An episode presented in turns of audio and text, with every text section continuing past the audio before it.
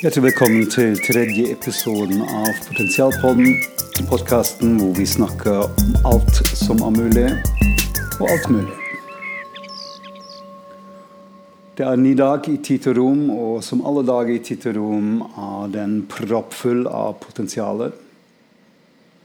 Og som alltid er det opp til deg og meg om vi velger å se gjennom livets overflate la oss bli hypnotisert av livets symptomer og fenomener.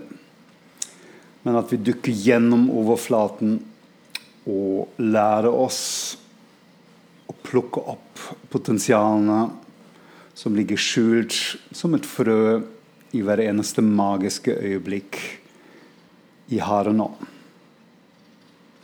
Ja, Olaf Solasson driver Akademi for potensialutvikling. Og det vi skal snakke om i dag, er noe jeg kaller for livets lykkeformula. Alle mennesker leter til enhver tid etter sin lykke. Bevisst, ubevisst eller noe innimellom. Og et kjært lykkebarn har selvsagt mange navn. Kaller det for glede eller tilfredsstillelse eller fred eller balanse, harmoni eller mening. Eller Gud eller nirvana eller penger eller sex eller inspirasjon eller kjærlighet. Til syvende og sist er alle disse begrepene synonymer og sikter til det samme. Og hver av oss har sine personlige lykke knagger, kan man si. Og til tider holder disse lykkeknaggene, og det virker som det er virkelig it. Og andre ganger løsner de tilsynelatende lykkeknaggene fra veggen, og alt ramler ned. Det kan virke som om lykke er en litt tilfeldig fugl. Om en heldig lander denne fuglen på et gren av sitt livstre, og er man litt uheldig, så flyr den videre og tilsynelatende lander kanskje på noen andre menneskers grener. Men er det virkelig så tilfeldig? Er det virkelig så random? Eller fins det et mer bærekraftig måte å bli heldig? Vi har snakket om det i tidlige podcaster og nevnte at ordet hel eller heldig kommer fra ordet helhet. Og det sier ganske tydelig at hell kan bare basere seg på en helhetlig utvikling. Den helhetlige utviklingen, det kan ikke gjentas ofte nok, handler om individuasjonsprosessen. Hvis det stemmer at individuasjon er selveste nøkkel til lykken, hvordan individuerer man så å si, hva skal til? Hvordan skal jeg gå frem? Hvor går veien? Individuasjon handler om å utvikle alle sine tolv primære potensialene. Vi har allerede nevnt at absolutt alle mennesker blir født med tolv primære potensialer. Det er en genial nyhet.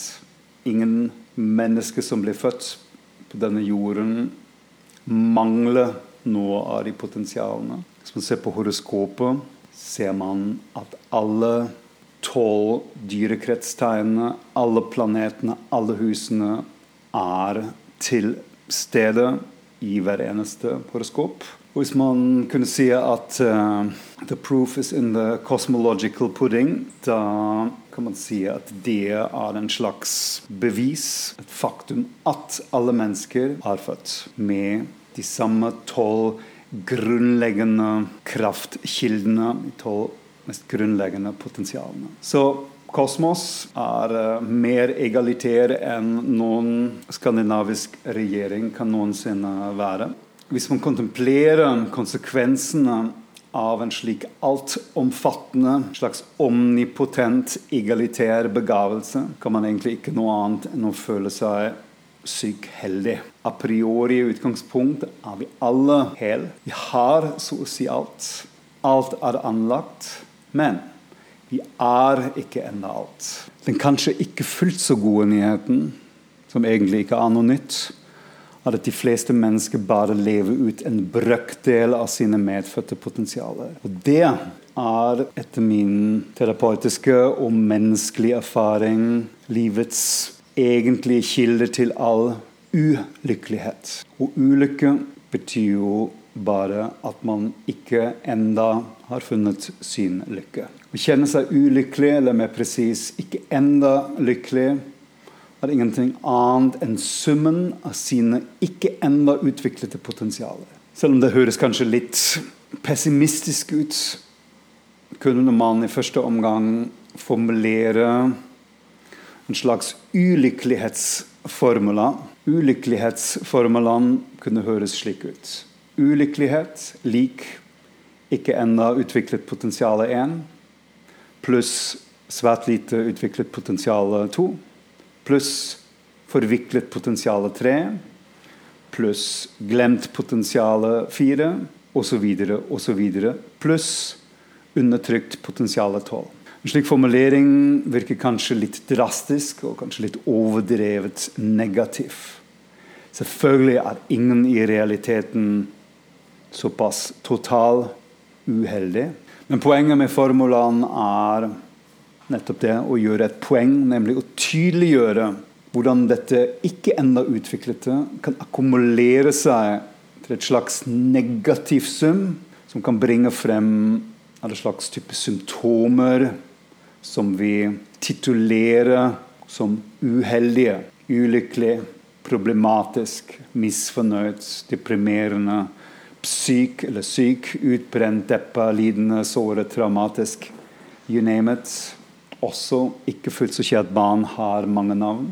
Heldigvis fins det ingen fasit. Heldigvis er alt prosess, prosess, prosess. Heldigvis er vi alle frie til å smi vår egen lykke. Og uansett bagasje er hvert individ i siste konsekvens selv ansvarlig for sin egen utvikling. Da med aktiv medvirkende om sitt livs spiral dreier seg oppover eller nedover. Og Det som vi ofte antar ut av ja, disse litt sosiologisk, psykologisk, pedagogiske antakelsene antagelsene vi har fått med oss at noen mennesker er mer begavet enn andre. At noen mennesker er a priori mer heldig eller uheldig. Det lar seg astrologisk ikke bekrefte. Min terapeutiske erfaring er det at alle mennesker blir født med alle de potensialene som passer for en. Og at man til hver potensiallås, så å si, har fått medlevert nøkkelen. Hvis vi snur bordet nå og ser på den lysere siden av saken, kunne man si at individuasjonens lykkeformel er eksakt omvendt fra ulykkesformelen, naturligvis. Det tilsier at lykke er lik utviklet potensial 1 pluss utviklet potensial 2 pluss utviklet potensial 3 osv. til utviklet potensial 12.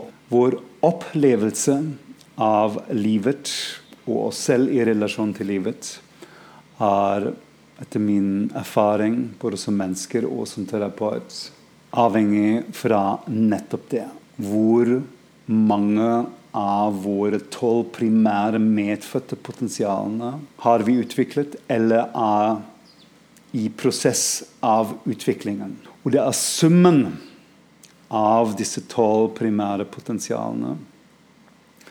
Summen av utviklingsnivået, skulle man kanskje si, av disse tolv primære potensialene, som avgjør dette helhetlige lykkefornemmelse eller heldighetsfornemmelse.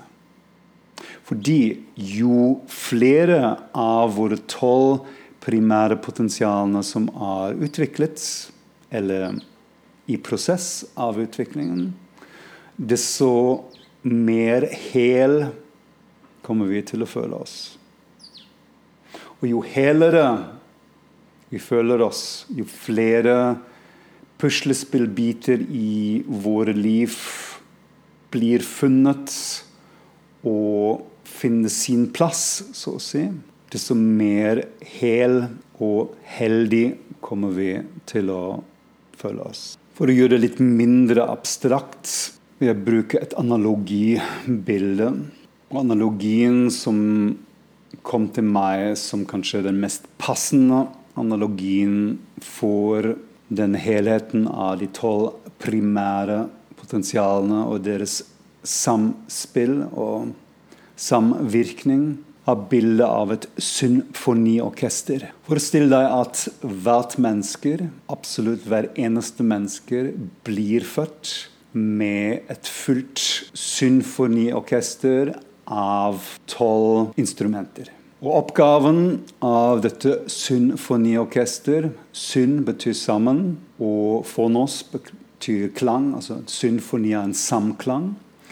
Oppgaven av symfoniorkesteret er å spille, eller lære å spille, individets symfoni. Og denne symfonien av individet er en del av den kosmiske symfonien. Så man kunne si hver eneste menneske bidrar ved å utvikle sin egen symfoni til utviklingen av den kollektive, universelle symfoni.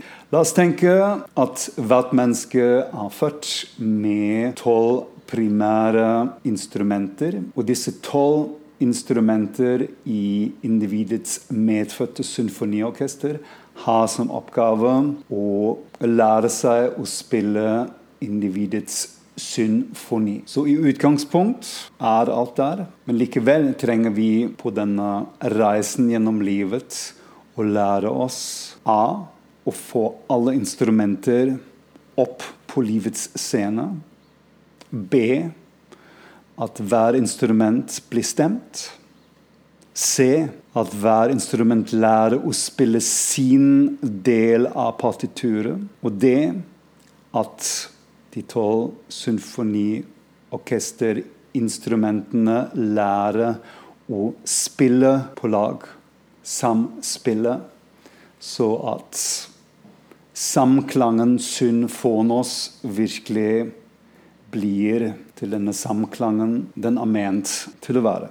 Så lykke, kunne man si, en helhetlig lykke, handler om det å få alle tolv instrumenter av sitt symfoniorkester opp på scenen av sitt liv og nære gi oppmerksomhet til hver av disse tolv instrumentene. Og på et vis kunne man se at det er det mest naturlige man kan tenke seg. Fordi man har jo allerede de instrumentene a priori. De er medfødt. Så hva er mer nærliggende enn å ta det i bruk som allerede er der? på den andre siden av min terapeutiske erfaring at mange av de medfødte instrumentene, mange av de primære potensialene, faktisk blir undertrykt i løpet av livet. Altså egentlig det eksakt motsatte av det som skulle være naturlig og nærliggende. Så kan man selvfølgelig spørre seg selv hvordan skjer det?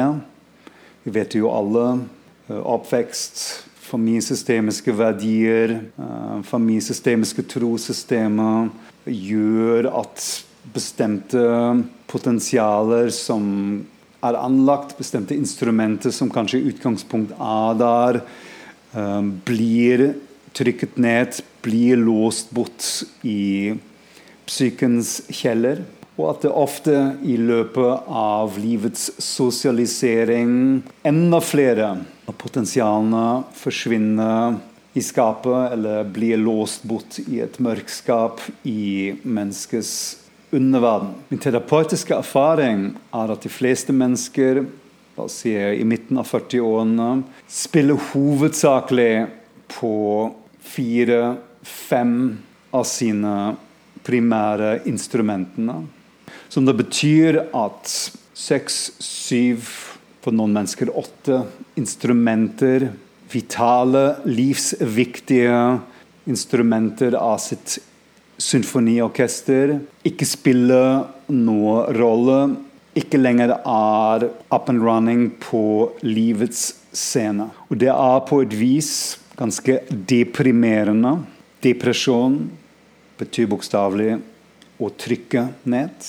Og min erfaring er at mennesker som føler seg deprimert, er først og fremst deprimert fordi veldig mange av deres medfødte, vitale, livsgivende instrumenter har ubevisst blitt undertrykt og har landet i kjelleren. Og hvis du hører på en symfoni av Maler eller Beethoven og hadde forestilt deg at en sånn type symfoni hadde blitt spilt kun på en tredjedel av instrumentene, mens to tredjedeler av instrumentene er uh, altfor lunch, så å si. Da kan man tenke seg at helhetsinntrykket kan være litt deprimerende. Man har hele tiden en følelse at noe vesentlig mangler. Eller hvis du bare hører på en låt på radioen, og du hadde bare tatt ett instrument, f.eks. bassen, som man jo egentlig ikke sånn eksplisitt hører veldig mye i popmusikk. Men hvis du bare hadde tatt bassen bort, hadde hele sangen allerede virket ganske hult og flat. Og det er bare ett instrument av en band som kanskje har fem-seks instrumenter. Så Hvis du da tenker da en symfoniorkester med tolv superviktige, vitale core-instrumenter og Du tar to tredjedeler av dem bort, eller låser to tredjedeler av dem bort. De er ikke lenger medvirkende livet har så å si slukt dem, eller mennesket har selv valgt ubevisst å stue dem bort, da er det klart at det høres litt deprimerende ut. At man selv fornemmer at noe vesentlig mangler. Og det er faktisk sånn. Det mangler noe veldig vesentlig. Og da kan man ikke føle seg heldig, fordi 66,6 hvis det er to tredjedeler av helheten, er ikke med i helhet. Denne lykkeformulaen, eller dette bildet av symfoniorkesteret med tolv primære instrumenter, forklarer forresten også hvorfor mange mennesker som vi ser opp til og genierklærer som er fantastiske kunstner eller vitenskapsmennesker eller uh, idrettspersoner, likevel ofte ikke virker spesielt lykkelig. Eller kanskje bare lykkelig i det lille feltet Eh, når de vinner en OL-medalje, eller når de står på scenen, eller når de er identifisert med sin kreative personer, som forresten er bare én av tolv primære potensialene. Hvorfor mennesker som har veldig sterk utpregede muskler på bestemte potensialer, likevel i sin helhet ofte ikke virker eller er spesielt lykkelig. Vi projiserer som samfunn og som individer ofte denne ideen på dem at vi tenker oh ja, hvis vi bare hadde vært sånn eller hadde hatt den suksessen, da hadde vi vært lykkelige eller glad. Men det er nettopp bare det. Det er en projeksjon, men ikke en virkelighet. Poenget er hvis man bare nærer ett eller to eller tre av sine primære potensialene og blir skikkelig god på det, fordi man vier veldig mye tid og energi eh, til dem, gir dem veldig mye oppmerksomhet. Går det nesten alltid på bekostning av de andre primære potensialene. Så hva nytter det hvis man er en fantastisk maler, men har aldri jobbet og utviklet den personen som har som oppgave å nære et menneskes somatisk, fysisk helse. Kan du være en maler og er 65 og er supersuksessfull, men kroppen er et totalt vrak? Så det er klart, det er ikke spesielt morsomt, og man føler seg ikke spesielt heldig. Eller man er ekstremt suksessfull i sin karriere og økonomisk veldig suksessfull. Lagt utrolig mange timer, dager, år. Kanskje 90% av ens daglige energi har gått inn det å nære denne karrieren og dette økonomiske. Det betyr det denne ene personen, denne, dette ene potensialet, dette ene instrumentet, har fått 90 av oppmerksomhet. Og så får de andre elleve primære potensialene de siste 10 til å dele seg imellom. Så da nytter det egentlig ingenting heller hvis man har en så sterk utpreget karriere og økonomisk personer. Hvis man f.eks. ikke får til en parforhold. Hvis man har ikke noe kontakt med sitt indre barn, og kanskje ikke med sine ytre barn, dermed i konsekvens. Carl Gustav Jung sa en gang at den største veksten i individuasjonen skjer der hvor man utvikler de personene, de potensialene, som er minst utviklet og det gir selvfølgelig total mening i lyset av det som vi snakker om her. Så summa summarum, i summen summe, kan man si at den eneste veien til bærekraftig og langsiktig lykke gå gjennom det å nære og utvikle og gi oppmerksomhet og kjærlighet til hver eneste av sine tolv medfødte primære potensialene. Så hvis vi i utgangspunktet er alle født med de samme tolv primære potensialene Hvis logos og livet har begavet oss alle med de samme grunnleggende tolv instrumenter for å spille symfonier av våre liv, er vi da ikke alle de samme? Hva utgjør da individualiteten, eller hva skaper individualitet? Hvis horoskopet av individuasjons, og da med de tolv primære potensialenes fremste utviklingsredskap, hvordan viser seg individualiteten da? Hvis alle mennesker har i utgangspunkt de samme tolv instrumentene slash potensialene. Igjen kan det lønne seg å se på analogien fra musikkens verden. Som vi alle vet, har det blitt skrevet tusenvis av symfonier gjennom tiden. Millioner av popsanger. Uendelige mengder av musikk har blitt født og fortsetter å bli født inn i verden mens vi snakker. Og alt dette mangfoldet av musikk og musikalsk uttrykk allikevel basert på en skala av kun tolv grunnleggende toner. Som riktignok gjentar seg over forskjellige oktaver. Men det er likevel at de tolv samme grunnleggende noter eller toner som absolutt alle sanger, symfonier, opera, whatever, er bygget på. Det er litt mind-blowing å tenke over det, men det er et objektiv fakta. Og med de tolv primære potensialene i horoskopet er det eksakt det samme som med de tolv grunnleggende tonene i musikken. Det er sammensetningen, kombinasjonen av disse tolv primære tonene som skaper individualitet. Horoskopets bygning, hvis man kunne si det sånn, har tre hovedplan, eller hovednivåer. Dyrekretsen,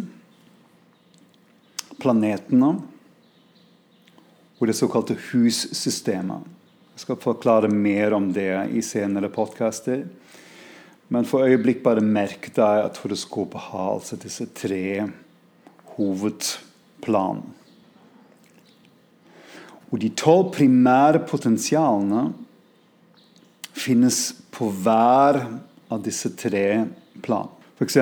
hvis vi tar planeten Mars. Det er altså en planet. Og den står i tegnet av krepsen. Da er vi dyrekretsen. Dyretegn. Og i det såkalte femte hus. Det er en litt tilfeldig eksempel nå.